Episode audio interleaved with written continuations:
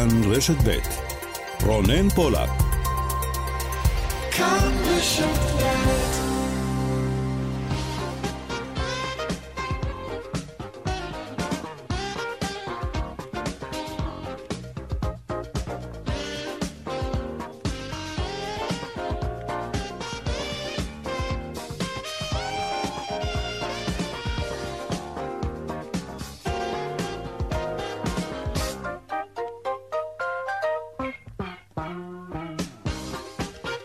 עכשיו ארבע ועוד חמש דקות וחצי, צבע הכסף, התוכנית הכלכלית, כאן ברשת ב', שלום לכם, שבוע טוב. קובי זרח מפיק היום את התוכנית, טכנאי השידור הוא רוני נאור, אני רונן פולק, והמייל שלנו, כסף כרוכית כאן.org.il. אנחנו מיד מתחילים.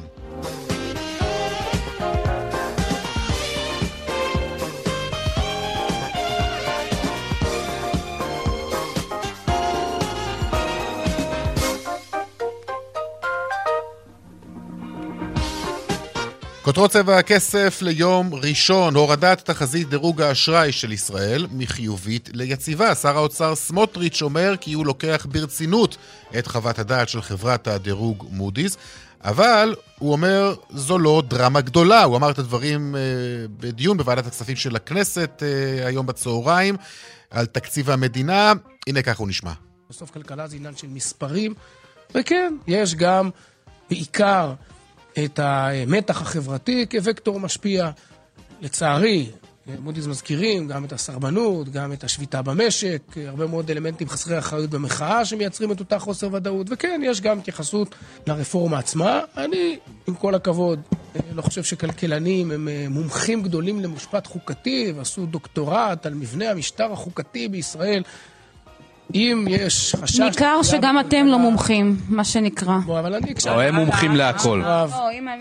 כך זה נשמע שם בוועדת הכספים. פורום הכלכלנים אומר אה, כי תגובתם של שר האוצר סמוטריץ' ושל ראש הממשלה נתניהו לדוח החמור של מודי'ס, אה, התגובה הזאת מדאיגה מאוד, והיא מנותקת מהמציאות. לדבריהם, הסכנות שעליהן הם התריעו מתממשות אחת לאחת.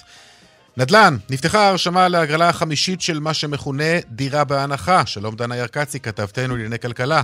שלום רונן. כן, נכון, משרד הבינוי והשיכון מודיע כי היום ההרשמה להגרלה החמישית של דירה בהנחה נפתחה.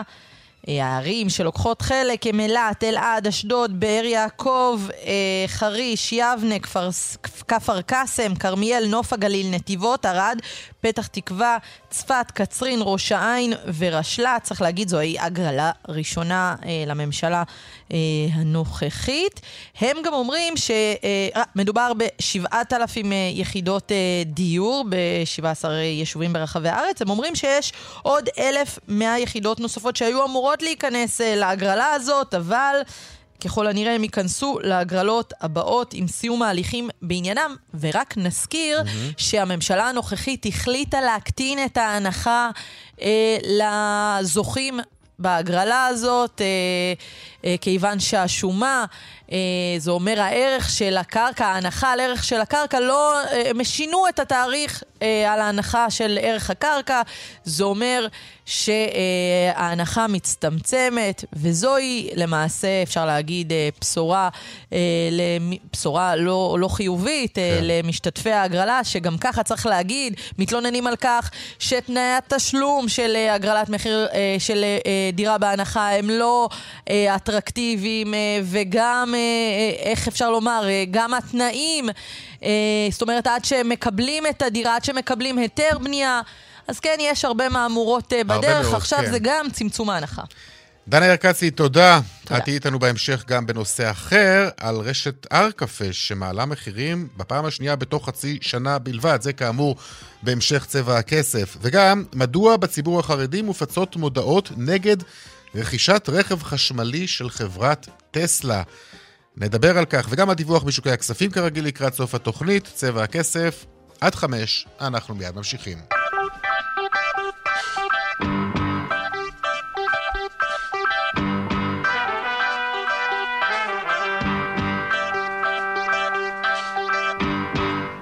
פותחים עם תמרור האזהרה שהציגה בסוף השבוע סוכנות דירוג האשראי הבינלאומית מודי'ס לממשלת ישראל. הדירוג אמנם נותר על כנו, אבל תחזית הדירוג הורדה מחיובית ליציבה. שלום לך, פרופסור רפי מלניק, נשיא אוניברסיטת רייכמן. שלום, צהריים טובים. בוא תסביר לנו על מה המהומה בעצם, ועד כמה מדובר במכה קלה או קשה לכלכלה הישראלית? תראה, זאת מכה קשה, משום שעד uh, לפני שנה, כלכלת ישראל הייתה על תוואי מאוד חיובי של צמיחה. יצאנו מהקורונה מחוזקים, החששות של, שחיסול החל"ת יביא אותנו לאבטלה המונית uh, התבדו, וחזרנו לתעסוקה מלאה עם משק צומח ועם הייטק פורח. ופתאום uh, בתחילת השנה, בעקבות השינויים הצפויים או השינויים בהפיכה המשטרית שמנסים לכפות עלינו, אה, הכל נעצר. המשק הפסיק לצמוח, אתה יודע שאני מפרסם מדד למצב המשק חודשי, mm-hmm. והמדד שלי הפסיק לעלות, מ- מינואר ופברואר יש אפס עלייה, זה אומר שהמגזר העסקי לא צומח. עכשיו ההחלטה של מודי'ס... רגע, וכל זה אותי... קשור באמת לצעדים, הכל זה, זה, זה, זה... משם זה מגיע? הכלכלה היא כלכלה שלוקחת בחשבון את כל הסיטואציה המשטרית שנמצאת כאן. הכלכלנים לא מצטיינים בתחזיות, אבל אני חושב שהפעם אה, צדקנו. כן, אבל יכול להיות, אתה יודע, שיש מי שטוענים גם שצדקתם, וזה בעצם אולי גם חלק מה, מהבעיה הייתה שאתם ניהלתם איזשהו מסע הפחדות. אה, כלכלנים ניהלו כאן מסע הפחדה כזה או אחר, שבסופו של דבר גם הוא תרם רבות להוצאת דיבתה של ישראל רעה. יכול להיות שגם לכלכלנים, אולי גם לראשי האופוזיציה, יש חלק בכך? אני, אני רוצה לתת לך דוגמה שכל מי שמאזין לנו יוכל להבין אותה. כן. נניח שמישהו זורק ביצה מהקומה החמישית של איזשהו בניין, אוקיי? והביצה בסופו של דבר מתפוצצת על הרצפה. את מי אנחנו נאשים? את מי שזרק את הביצה, או את כוח הגרביטציה שמשך את הביצה כלפי מטה? אוקיי? Mm-hmm. הבנת okay. אוקיי. את הדוגמה. הבנתי את הדוגמה. יש לנו פה סיטואציה, כן. יש לנו פה סיטואציה שמנסים לשנות את המשטר של מדינת ישראל. השווקים לא אוהבים את זה. חברות הדירוג חושבות שזה רע לכלכלת ישראל. אלה מומחים בינלאומיים שיש להם ניסיון רב. Uh-huh. אבל אני מוכרח להסביר לציבור מה המשמעות של ההחלטה של מודי'ס. המשמעות היא שהריבית שהמשק יצטרך לשלם להלוואות לחו"ל יעלה. כבר עכשיו. כלומר, הריבית על החוב של מדינת ישראל יהיה גבוה יותר, וכתוצאה מזה, בתקציב הקרוב, לא בעוד שנה, בתקציב שאנחנו מדברים עליו עכשיו, ממשלת ישראל תצטרך להקדיש משאבים לשירות החוב על חשבון הוצאות בריאות, הוצאות חינוך, אה, תשתיות, אולי תוספת מיסוי. זה לגבי הממשלה. לגבי המגזר העסקי, זה אומר שהריבית של המשקיעים תעלה, וכמובן תבוצענה פחות השקעות, וכתוצאה מזה המשק יצמח פחות. לגבי משקי הבית, עליית הריבית הזאת תתבטא גם בעליית הריבית על המשכנתאות, מעבר למדיניות המוניטרית שאנחנו נאלצים לעשות כדי להילחם באינפלציה. לכן, הפגיעה היא פגיעה מוחשית, היא לא איזו פגיעה תיאורטית שאנחנו יכולים לנתח אותה ולהתחיל במשחק האשמות. שכל אחד ואחד אז... מאיתנו ירגיש את זה? גם משק כל... הבית הפרטי? משק הבית הפרטי יצטרך לשלם יותר משכנתה כתוצאה מהמהלך של מודי'ס, וצפוי לנו עוד כל מיני מהלכים של סטנדרט אמפורס ושל פיץ' בהמשך. עוד ש- שאר סוכנויות אה, דירוג האשראי. שאר, סוכ... כן. שאר הסוכנויות האלה. כולל כל האשראי על האוברדרפט, יתייקר גם. ואנחנו יודעים שחלק גדול מעם ישראל חי עם, אה, עם משיכת יתר. בוא, בוא ננסה להסביר את זה, כי כל משק בית יודע ודאי אה, שגם לו לא יש דירוג אשראי בבנק, נכון? ו- ובהתאם לדירוג האשראי שלו בבנק הוא מקבל הלוואה בריבית כזו או ריבית אחרת. זה בעצם מה שקורה כאן, אבל אה, ב- ב- ב- ברמה מדינית. ברמה מדינית. כלומר, ברמה... חברות הדירוג מסתכלות, מסתכלות על כל מדינות העולם, יש להן ניסיון רב שנים. יש להם פרמטרים שונים, ועל פי זה הם מדרגים את הסיכון שמדינת ישראל לא תוכל לעמוד בחובות. אנחנו רחוקים מאוד מזה, אבל אנחנו עלינו על איזשהו תוואי שלילי, שזה תוואי שמקדים את הפחתת הדירוג בפועל, לא, לא את התחזית, אלא את הדירוג בפועל. ואם אנחנו נמשיך ונשלים את החקיקה כפי שתוכננה, אין ספק שאנחנו נגיע לזה, ואולי יותר גרוע. אני חושב שהמשק ירד לתהום, שאנחנו, קשה לנו מאוד להעריך את זה, אבל uh, מוטב uh, לעצור ולחשוב מחדש ולעצור את החקיקה שמעת הזאת. שמעת את התגובות ש... של ראש הממשלה ושל שר האוצר? אומר היום אני... שר האוצר שהוא לוקח ברצינות את חוות הדעת של חברת הדירוג מודי'ס, אבל הוא אומר זו לא דרמה גדולה. אוקיי. אני חושב שכשהוא יתחיל לראות... הוא אומר שהכלכלנים אינם מומחים גדולים למשפט חוקתי. אה, בוודאי שלא, אנחנו מומחים לכלכלה. וגם הוא יצטרך לראות את החשבון שיגיע אליו כתוצאה מעליית הריבית, ואז הוא, ואז הוא יוכל לראות האם זה בעיה קשה או בעיה קלה. זאת בעיה קשה מאוד, יש לנו חוב שאנחנו צריכים. אז בוא נגיד שהוא אותו. מתעלם, אבל איך ראש הממשלה מתעלם? איך אתה מסביר את זה? תראה, אני, אני, זה באמת קשה לי להבין, כי אני מכיר את, את מר נתניהו, ואני יודע שהוא מבין, הוא מבין היטב את המחיר שהמשק משלם. אבל uh, אני חושב שבתוך הממשלה היום יש אינטרס גדול, הוא לא משפטי. תראה, כל אחד מהמרכיבים של הקואליציה יוצא uh, uh, להשיג איזשהו הישג כתוצאה מהרפורמה או ההפיכה המשטרית. החרדים מצפים לכאן, לכך שההשתמטות שלהם משירות הצבאי יעוגן בחוק.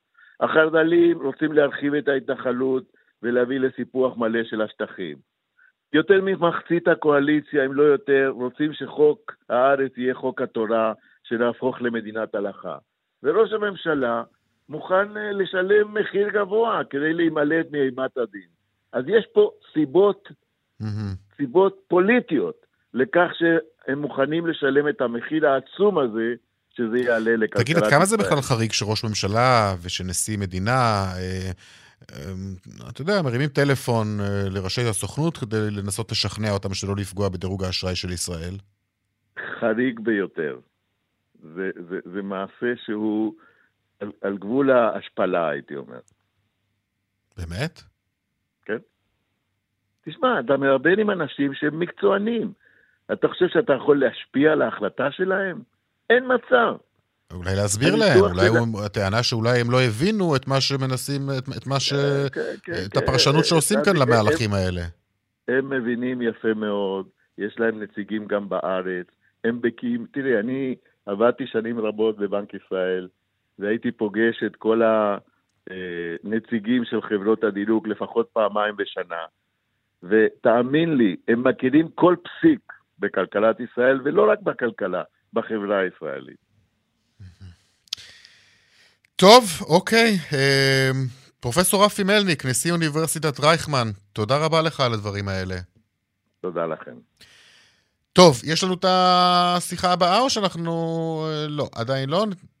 לא, טוב, בואו נצא למקורי תנועה ואחר כך אה, נמשיך, יש לנו עוד הרבה עניינים. דיווחי תנועה.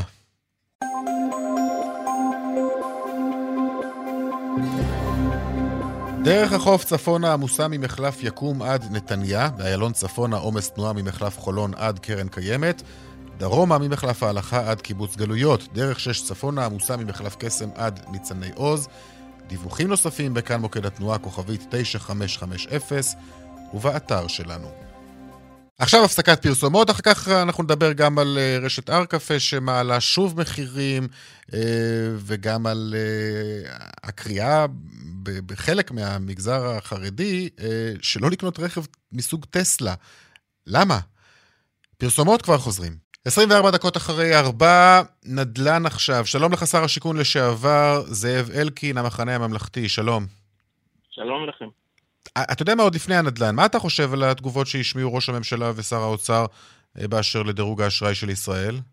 אני חושב שזו מציאות מאוד מאוד מוזרה, גם אתם מסקרים את התחום הזה הרבה זמן. אני לא זוכר מתי שר האוצר במדינת ישראל, יחד עם ראש ממשלה, הוציאו הודעה חגיגית של ניצחון גדול, על הורדה בתחזית של הדירוג האשראי של מדינת ישראל. זה אירוע שהוא פוגע בכלכלה הישראלית, אז מה יש לחגוג כאן ולהתגאות? תגיד, אבל אולי גם לכם יש חלק בתוצאות של ההחלטה הזאת שקיבלה מודי'ס. אתם, אתה יודע, במשך אה, חודשים, כך לפחות טוענים, ראש הממשלה ושר האוצר וראשי הקואליציה, ככה אנחנו שומעים אותם, ואתם מייצרים את אה, מסע ההפחדות הזה שבסופו של דבר משפיע גם בזירה הבינלאומית. בוא, תקשיב, אפשר להרוג את השליח. זאת הגישה שנתניהו הולך לאורך כל הדרך, רק כולם אצלו אשמים. בסוף הנגיד אצלו אשם, כי הוא התריע מראש שזה מה שיקרה, ולצערי עוד לא נאמרה פה מילה אחרונה.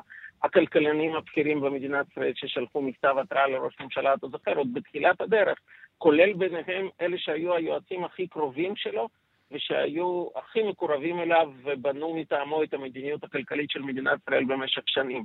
אמרו לו, אתה עולה על דרך מסוכנת, יהיה לזה מחיר קשה לכלכלה.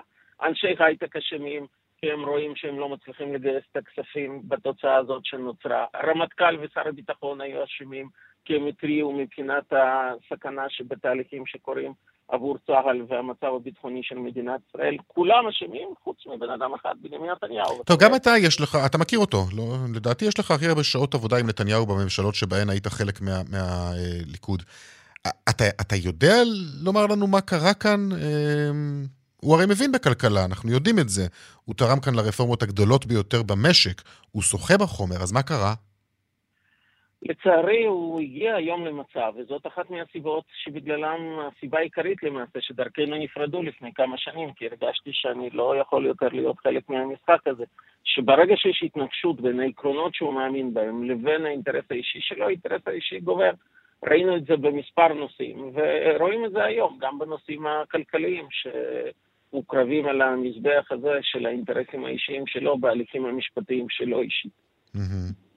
טוב, אתה יודע, יש, יש תרחיש נוסף אולי שהמחנה הממלכתי מצטרף לממשלה הנוכחית, לא? ואז יותר לא, קל... לא, לא, לא, לא, זה לא בקלפים. הרי לא מדובר לא רק על החקיקה של השלב זה של הרפורמה המשפטית, יש להם תוכניות לעוד שלבים הבאים, מדובר על חקיקות פרסונליות לטובת נתניהו, כך למשל חוק שערורייתי כמו חוק המתנות, שרק ככה באיזשהו שריר שהצלחנו mm-hmm. לעשות ברגע האחרון מנענו את אישורו בקריאה ראשונה לפני יציאה לפגרה, וברור לנו שהוא יחזור בכנס הקיץ של הכנסת.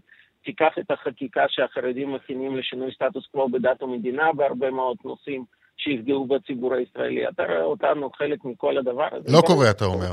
אין תסריט ברור, כזה. ברור, אין תסריט כזה. אנחנו כן, כמבוגר אחראי במערכת הזאת, נהפוך כל אבן כדי לנסות לבדוק אפשרות בכל זאת להגיע לרפורמה מוסכמת. אז מה, בוא, בוא, בוא נדבר על האבנים האלו שאתם הופכים עכשיו אה, בבית הנשיא. אה, יש אפשרות שיהיו הסכמות? אנחנו רואים מפלגת העבודה עזבה שמה. אנחנו, אנחנו לא תמימים. אנחנו מבינים מכל מיני הצהרות, גם של שר המשפטים יריב לוין, גם של השר בן גביר, גם מהתחייבויות של נתניהו לבן גביר, גם מאמירות של חברי קואליציה של נתניהו, כולל אמירות נוראיות שהיו של שר במשרד המשפטים, כן, רק במוצאי שבת הזה, על כך שצריך לחקור ולמעשה, אני מבין, לשים בכלא את נשיאת בית משפט העליון, לשיטתו, כן? לא, לא זוכר מתי במדינה מערבית שר שלוקח חלק מהאחריות על משרד המשפטים מתבטא ככה על נשיא בית משפט העליון. אה, ובסופו של דבר, מכל הדברים האלה אנחנו מבינים שהסיכוי להגיע להבנות הוא לא גדול. אבל יחד עם זה, כמו שאמרתי, כמי שמבוגר אחראי, גם אם זה סיכוי קטן, חובתנו למצות אותו ולהפוך כל אבן כדי בכל זאת לנסות להגיע לרפורמה נכונה ומאוזנת ולהציל את מערכת המשפט הישראלית מהרס טוטאלי שקואליציה וממשלה רוצים לבצע. טוב, בוא נדבר נדל"ן. אתה היית שר השיכון עד uh, לא מזמן, עד לפני חצי שנה, uh, אפילו פחות. Uh, ראינו בסוף השבוע נתונים שמצביעים כבר על מגמה. המחירים מתחילים לרדת. זו... קודם כל, אמרנו את זה. אם אתה, אתה יכול לקחת רעיונות שלי גם אצלכם וגם בכלי תקשורת אחרים, אמרנו שבשנת 23 תיבלם עליית המחירים. רגע, קודם כל בוא, נסגור, בוא נסגור את נושא הקרדיט, כי, כי, כי זו בשורה. לא, ו... זה לא עניין... לא, כי שר לא האוצר ש... כבר הזדרז, לק... הוא, הוא כן לקח על זה קרדיט. אז, אז של מי זה? שלו, זה הרי מצחיק, מדובר על נתונים על ינואר-פברואר, כן, שר האוצר בינואר רק נכנס למסדרונות של משרד האוצר, אז זה מצחיק שמדובר על הנתונים של החודשיים הראשונים לכהונתו, הוא בטוח שזה הקרדיט שלו. אבל אני לא נכנס כאן למאבקי קרדיט עם כל הכלכלנים הבכירים במדינת ישראל. החל בערך מאוגוסט-ספטמבר 22, כן, בזמן הממשלה שלנו, אמרו במדיניות שמתנהלת כרגע מצד אחד בנק ישראל, זו המדיניות בעצם, זו המדיניות היחידה שקיימת, לא? לא, לא, לא, לא, לא. שני, שני דברים קרו. אחד, זה כמובן ריבית, אני לא מזלזל בה, ברור שהיא משפיעה על הביקוש. ושני, זה פריצת דרך בהיצע. היה הרי הכפלה של כמות השיווקים במשך שנתיים, גם שנת 21 וגם שנת 22. הסתיימו ביותר מ-100 אלף שיווקים, זה פי שניים ממה שהיה בתקופה הקודמת כשליצמן היה שר השיכון. וברור שכשאתה מגדיל דרמטית את ההיצע, ומצד שני הריבית מצננת את הביקושים, אז תהיה השפעה גם על המחירים. אמרנו את זה בחודשים... כן, אבל אתה רואה, בוא, בוא ננסה גם, בוא ננסה גם לצפות... אוקטובר, וזה מה שקרה. בוא ננסה גם לצפות פני עתיד, כי מה שקורה כרגע זה שמספר אה, התחלות הבנייה דווקא קטנות, אבל או, הביק, הביקושים הרי הם לא קטנים, האוכלוסייה כאן גדלה, ולא זכ... לא זכור לי שבחודשים מסתכל... האחרונים אה, כל הזוגות הצעירים בארץ קיבלו דירה ועכשיו כבר אין ביקוש. לכן כשאני מסתכל קדימה, אני מודאג מכמה סיבות. אחד, מצב ריבית מחייב לחשוב גם על היזמים. יש היום לא מעט מכרזים שנופלים, במיוחד בפריפריה, וצריך לפעול בכיוון הזה. אני לא רואה שהממשלה עושה את זה. הדבר השני, צריך להתמיד בקצב השיווקים, וגם שם אני עוד לא רואה מדיניות שמתעקשת על היקפים בסדר גודל הזה. עכשיו, אה, כמובן אני מוטרד מעוד משהו, מהסכמה לכאורה של שר השיכון, לפחות ככה התבשרנו בתקציב, להוריד משמעותית את ההנחה לזוגות הצעירים באמצעות תרגיל מאוד פשוט. כן, אנחנו התעקשנו שהמחירים יוקפאו לשנת 20, ומשם תהיה 20% של הנחה. ועכשיו הסכים שר השיכון לכך שהמחירים יהיו לפי שנת 22. ואז כל ההנחה למעשה היא מגולמת בעליית המחירים. הזוגות מקבלים אפס הנחה. זה אומר לקחת מזוג צעיר בין 100 ל-200 אלף שקל לעומת המצב הקודם, אה, הוא יצטרך לשלם יותר על הדירה. הדברים האלה כמובן לא עוזרים mm-hmm. במצב שיש היום לזוגות צעירים לעמוד במשימה הזאת של רכישת הדירה, ולכן אותי מאוד מאוד מדאיגים. תגיד, ההגרלות, אה, היום הייתה, אה, נפתחה הרשמה להגרלה נוספת. אה, של דירה בהנחה, זה מותג שהתחיל אה, בתקופה, בתקופתך, נכון? או שזה היה מחיר אה, למשתכן אז? בהחלט, לא, לא, לא, זה נכון, דירה בהנחה זה מותג שהתחיל אצלנו. אבל תשמע, אומר בנק ישראל לא מזמן, אתה ודאי קראת את הניתוח שעשה בנק ישראל, שטען שהקמפיינים האלה, הם תורמים להעלאת המחירים והם לא מוזילים את הדיור. קודם כל, פה אנחנו לא מסכימים איתם, ואנשי מקצוע של משרד השיכון ורמ"י לא הסכימו איתם. בסוף זה מאוד נחמד אה, להגיד לזוגות צעירים, חכו מתישהו המחירים... אה, לא, אבל ברור לך שמבצעים כאלה גם הם לא, זה, זה לא תוכנית עבודה.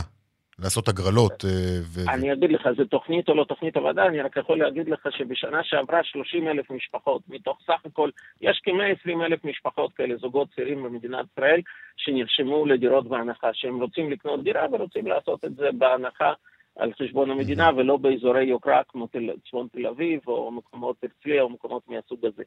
עכשיו, אה, מתוך 120 אלף האלה, רבע קיבלו כבר את היכולת הזאת בשנה שעברה, בשנת 22, ואם לא היו משנים את הכללים, השנה אה, רגע, עוד 45... אה, בוא נדבר על, בוא נדבר על השלושת רבעי האחרים. אם רבע קיבלו את האפשרות, יש גם את השלושת רבעי האחרים שלפי לפחות הניתוח של בנק ישראל, הם ישלמו עכשיו יותר. זאת אומרת, הם משלמים לא, את לא, ההנחה שקיבלו... אני נותן לך את המספר הנוסף, שאם לא היו מפסיקים את התוכניות שהובלנו ולא היו מקטינים את ההנחה, אז עוד 45 אלף היו אמורים לעשות את זה השנה. זאת אומרת שזה כבר לא רבע, אלא זה 60-70 אחוז מכלל המבקשים היו מקבלים את היכולת הזאת עד סוף שנת 23, כן, ובואכה הלאה באותה מדיניות של שנת 24. זה דבר אחד. דבר שני, דווקא להפך, כל אלה שמשתתפים בהגרלות, הם לא קונים בשוק החופשי, הם מחכים, ולכן זה גם מצנן את הביקושים.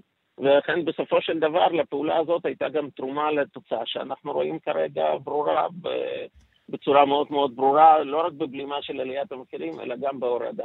וחוץ מזה, יש פה גם עניין חברתי ממדרגה ראשונה. זוג צעיר לא יכול להיות שהוא משלם יותר על הדירה שלו, בגלל שהמדינה היא זאת שמרוויחה מרווחים על הקרקע. הרי מה קורה כאן? מאיפה כן. ההנחה הזאת נוצרת? המדינה מוותרת, זה, לזה הובלנו, על חלק מהרווחים מהקרקע, שהיא לא צפתה אותם, כן? הם תוצאה של ההתייקרות.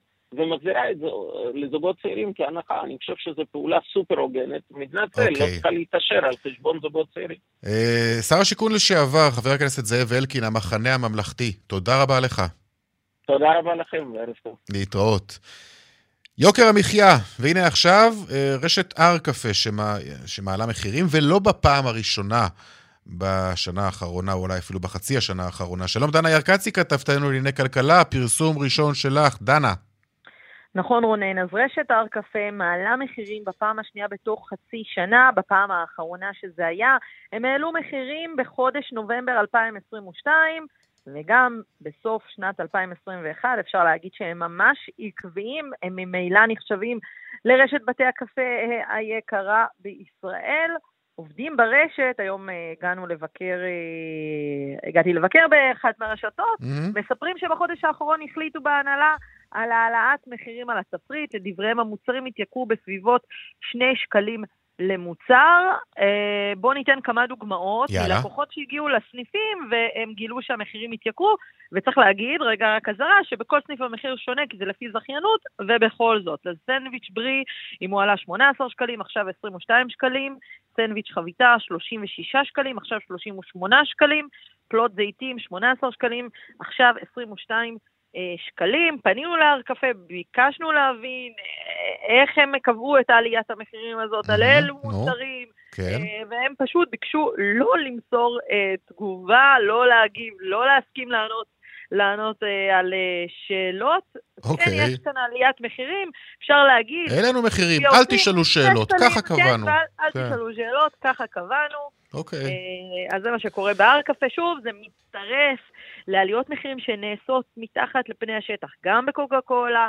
אנחנו דיווחנו בסוף השבוע שחברת המשקאות יפאורה, גם היא אה, תעלה מחירים בחודש אה, אה, יוני בשיעור של בין אה, 6% ל-8.5%. אחוזים. אז כן, אתה יודע, אנחנו אולי לא שומעים את זה הרבה. ואולי זה נבלע תחת הכותרות אה, של המאבק הכלכלי אה, אה, של הרפורמה המשפטית, אבל זה קורה. זה כאן. קורה, וחשוב, וטוב שאת מספרת לנו על זה, ואנחנו עוקבים, ואתם יודעים, לפעמים מעלים מחירים ולפעמים יש צורך, אבל תהיו גם שקופים עם הציבור, וזה הכי חשוב כמובן. דנה ירקצי, תודה רבה לך. תודה. עכשיו נדבר על יהלומים. Mm. ענף ייצוא היהלומים הישראלי הוא אחד המשגשגים בעולם. ישראל נחשבת למעצמה ממש בתחום הזה, אלא שבסיכום רבעוני ראשון לשנה הזו מתברר שענף היהלומים הישראלי חתם רבעון ראשון שלילי, עם ירידה של 42% ביבוא יהלומי הגלם, ירידה של 49% בייצוא היהלומים, ובכלל הענף הזה רושם ירידות בכל התחומים. שלום לך, אופיר גור, מנהל מנהל יהלומים במשרד הכלכלה. אחר צהריים טובים, רונן. תשמע, זה אמנם תחום נוצץ, אבל ללא ספק שייך לגמרי לתחום המותרות, וגם ממנו אפשר ללמוד לא מעט על, אולי, על ההאטה הגלובלית. כלומר, כמעט בכל סיטואציה, אה, תחום היהלומים הוא בין הראשונים להיקבע, להיפגע. זה קורה בכל משבר, אני זוכר את זה היטב בתקופת משבר הקורונה, אחר כך הייתה התאוששות. ומה עכשיו? אז עכשיו בעצם כבר אה, בשנה האחרונה בעצם, מאז אה, תחילת המלחמה בין רוסיה לאוקראינה, הענף לא מנותק ממה שקורה בעולם. אה, וממש אה, אחרי אה, פרוץ המלחמה שם ראינו ירידה בענף, והרבעון הזה מהבחינה הזאת לא היה שונה מהחצי שנה, החצי- החציון השני של 2022, וראינו ירידה גם בגלם וגם במלוטש, גם ביבוא וגם בייצוא. למה בעצם? איך זה קשור?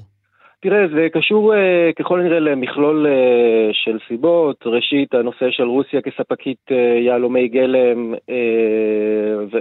ועקב כך היה הרבה פחות יבוא מרוסיה לכל העולם. השוק הסיני, שעד ממש לאחרונה עדיין היה עם גל הקורונה ונפתח רק אה, לאחרונה, הנושא של מיתון, נושא של כניסה גם של אה, יהלומי מעבדה יותר בארצות Mm. הברית, כל הדברים האלה השפיעו במידה מסוימת.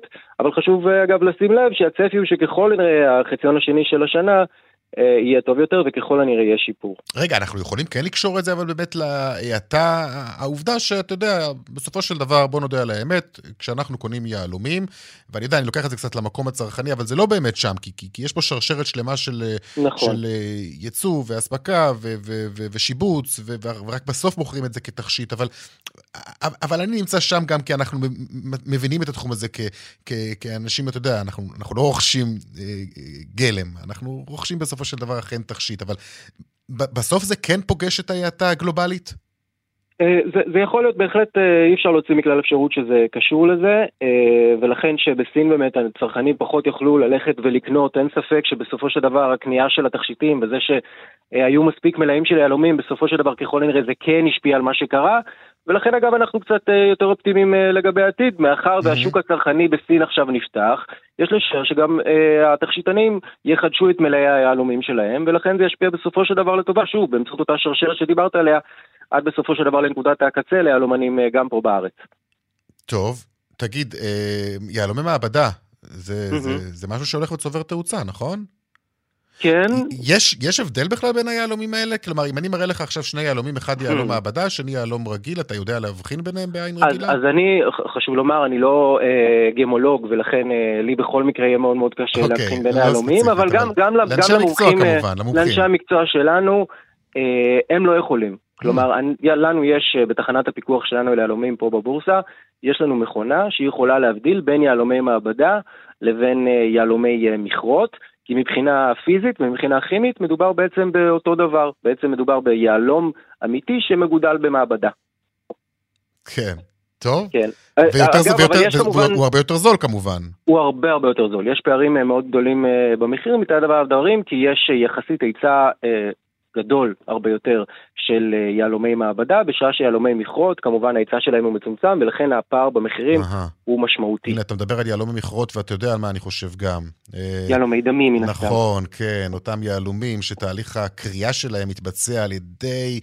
אה, ארגוני פשיעה, ארגונים מפוקפקים, במצב נכון. מלחמה, ויש גם לא מעט אנשים שמשלמים על כך בחייהם בדרך.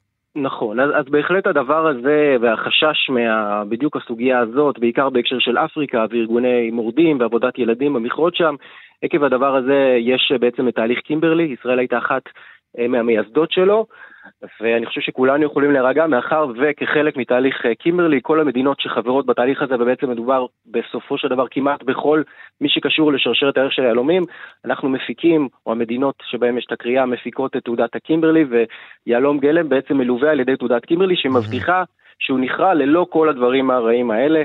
אז מהבחינה הזאת כולנו יכולים אה, להירגע בהקשר הזה. ישראל הפכה למעצמה, נכון? כבר הרבה מאוד שנים.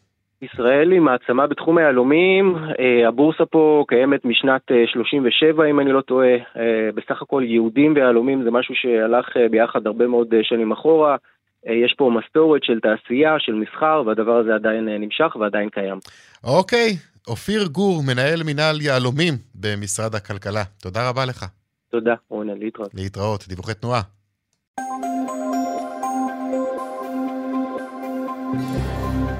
דרך 85 מזרחה עמוסה מצומת מכר עד פארק בר לב, דרך 6 צפונה עמוסה ממחלף קסם עד ניצני עוז, באיילון צפונה עומס תנועה ממחלף חולון עד קרן קיימת, ודרומה ממחלף ההלכה עד קיבוץ גלויות. דרך 444 צפונה עמוסה מצומת אייל עד צור יצחק.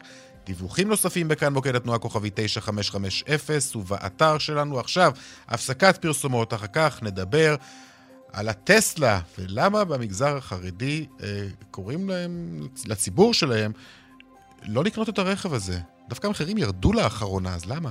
ננסה להבין עוד מעט. פרסומות כבר חוזרים. 4 ועוד 48 דקות כאן בצבע הכסף. המכוניות החשמליות הן הולכות וחודרות אל השוק הישראלי בקצב מרשים, אלא ששימו לב, בציבור החרדי מוצפות בימים האחרונים אה, אה, מודעות שקוראות לצרכנים אה, החרדים שלא לרכוש רכב חשמלי מסוג טסלה. שלום לך, עקיבא וייס, כתבנו. אהלן, שלום, מה נשמע? תגיד, מה יש להם נגד טסלה? הרי הם דווקא, טסלה נדמה לי היחידה שהורידה מחירים דווקא בתקופה האחרונה. אז הסיפור פה זה לא מחירים, ובוא נ... לא? ובוא ניקח את זה למקום, אה, למסגור. זה מי שיוצא נגד טסלה, זה חסידות גור, החסידות הגדולה בישראל, והם, יש להם ועדת תקשורת, ועדה של רבנים שאחראים על אה, כל הסיפור של הטכנולוגיה, אינטרנט, אה, איך לה, לה, אה, להנגיש את זה mm-hmm. ולשמור על זה מבחינת אה, הציבור, מבחינת הציבור החרדי, מבחינתם. ושם הם בעצם אומרים שיש בעיה של טסלה. כל המכוניות שיש להן מולטימדיה, יש להן אפשרות עם טכנאים שלהם לנטרל את המולטימדיה שבעצם אה, לא יהיה גישה לאינטרנט או חוץ מ-Waze, או ממש בהגדרות שם. ומה שקורה בטסלה, לטענתם, אין להם אפשרות לשחק עם המערכת שם.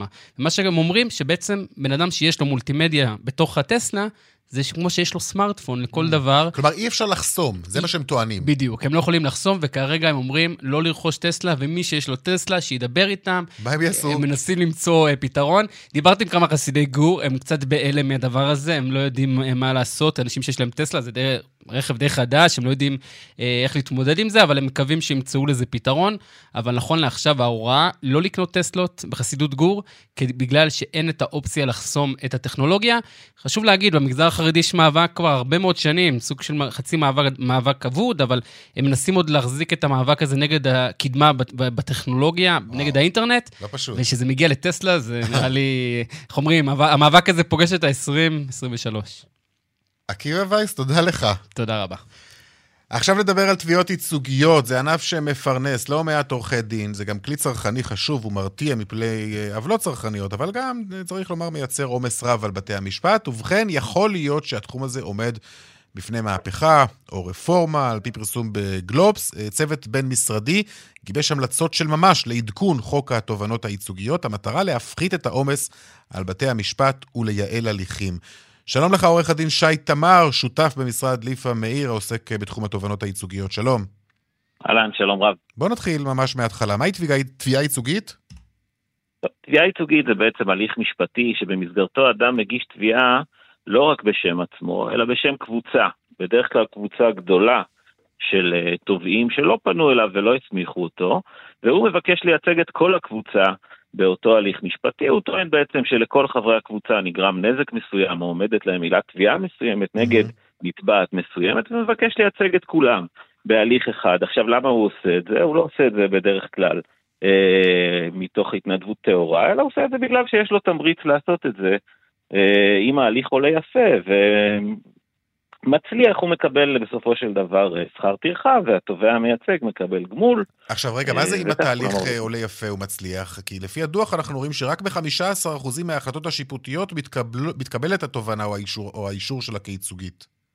כן, אחת הבעיות, שהדוח, אחת הבעיות שהדוח מצביע עליהן הוא באמת הכמות הגדולה של uh, הבקשות לאישור תובענות ייצוגיות שמוגשות מדי שנה, כ-1,500 uh, מה שנקרא תביעות סרק או ככה...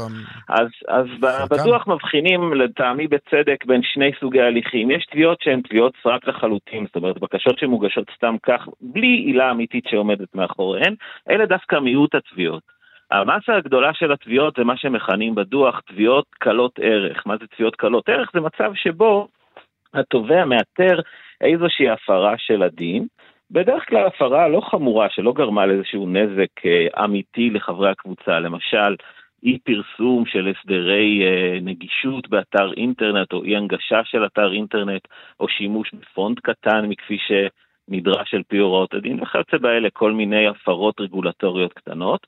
ומגיש תביעה. וכאשר הנתבעת ניצבת מול uh, תביעה כזאת, בעצם יש לה שתי אפשרויות, יש לה את האפשרות לנהל את ההליך, לשכור עורכי דין, לשלם להם uh, סכומים נכבדים כשכר טרחה, ואולי בסופו של דבר לנצח או לא לנצח בתיק, ויש לה אפשרות לסיים את ההליך בהסדר מהיר עם התובע, מה שמכונה הסדר הסתלקות, לשלם לו סכומים יחסית נמוכים, ובכך לסיים את העניין. ועיקר התיקים כך גם על פי הנתונים שבדוח, מעל למחצית התיקים מסתיימים באופן הזה, שבו הנתבעת מחליטה לשלם סכום מסוים לתובע ולבא כוחו, ובכך לסיים את ההליך. אוקיי, okay, עכשיו תגיד, אה, רפורמה כזאת, במי תפגע? בצרכן או בעורך הדין? הרפורמה אמורה כמובן להיטיב עם, ה, עם הציבור בכללותו, עם הצרכנים. הרעיון הוא אם, אם דיברנו למשל על הנושא הזה של ריבוי התביעות קלות הערך, הרעיון הוא למנוע מצב שבו הנתבעות נאלצות לשלם סכומים גדולים מדי אה, בגין הליכים משפטיים שהן נחשפים אליהם ולייצר מסלולים מהירים יותר שיאפשרו את אכיפת הדין בצורה מהירה ויעילה בלי לייצר הוצאות לנתבעות שאחר כך יגלגלו אותם אל כתפי הצרכנים. למשל, בהקשר הזה, מה שמציע הדוח זה לייצר מסלול של פנייה מוקדמת בלי הליך משפטי, שבו אותו תובע שאיתר את הפרת הדין יפנה לחברה הנתבעת, יתריע בפניה ויגיד לה, איתרתי הפרה כזאת וכזאת, והחברה תוכל להסדיר את הדברים, לתקן את ההפרה, לשלם לו סכום קטן אה, שייקבע בחוק כגמול ושכר טרחה, ובכך לסיים את העיסוק בעניין הזה, ולא לא יושתו עליה הוצאות נוספות שאותן היא אחר כך תגלגל על הצרכנים. אז פתרון כזה למשל אמור לשרת כמובן את ציבור הצרכנים. כי זה, בסופו של דבר צריך לומר, זה כלי צרכני חשוב מאוד. נכון, וחש... נכון. דווקא בי עולה החשש ש... שאולי זה כן יפגע בצרכן וייטיב עם העסקים, ודאי עם אלה שמייצרים עוולות צרכניות. אז צריך להבדיל, יש uh, למכשיר התובנות הייצוגיות, יש שלוש תכליות עיקריות. אחד, זה תכלית האכיפה, ותכלית האכיפה של הוראות הדין uh-huh. היא uh, מתממשת גם, גם בסידור כזה. וכאשר מדובר בעוולה שהיא לא באמת גרמה נזקים אמיתיים, בוודאי לא נזקים ממוניים לקבוצת התובעים, אז הסדר כזה שנותן מענה לתכלית האכיפה יכול להיות הסדר ראוי. תכליות אחרות, תכלית הפיצוי, תכלית ההרתעה, יותר רלוונטיות להליכים שבהם באמת קיים אה, אה, נזק אמיתי וממשי לחברי הקבוצה, והם ימשיכו להתנהל כרגיל כפי שהם מתנהלים היום. אוקיי. Uh-huh. Okay. טוב, זה גם מעמיס על בתי המשפט בסופו של דבר, צריך לזכור, וזה גם אחת המטרות. אה, בהחלט, גם, גם על פי האמור בדוח, ההליכים של תובנות ייצוגיות הם בין ההליכים הכבדים ביותר מבחינת התשומות שמערכת המשפט נדרשת mm. uh, להקדיש להן. וגם את זה אמור, אמורה כן. הרפורמה ועדיין, במידה רבה. נכון, ועדיין צריך למצוא את שביל הזהב כזה שבאמת אה, יעשה צדק עם הצרכנים, וגם בהחלט. ימנע עומס על בתי המשפט. תודה רבה, לך, תודה רבה לך, עורך הדין שי תמר. שותף אה, במשרד ליפה מאיר, אה, תובנות ייצוגיות. תודה לך. תודה. עכשיו לדיווח משוקי הכספים.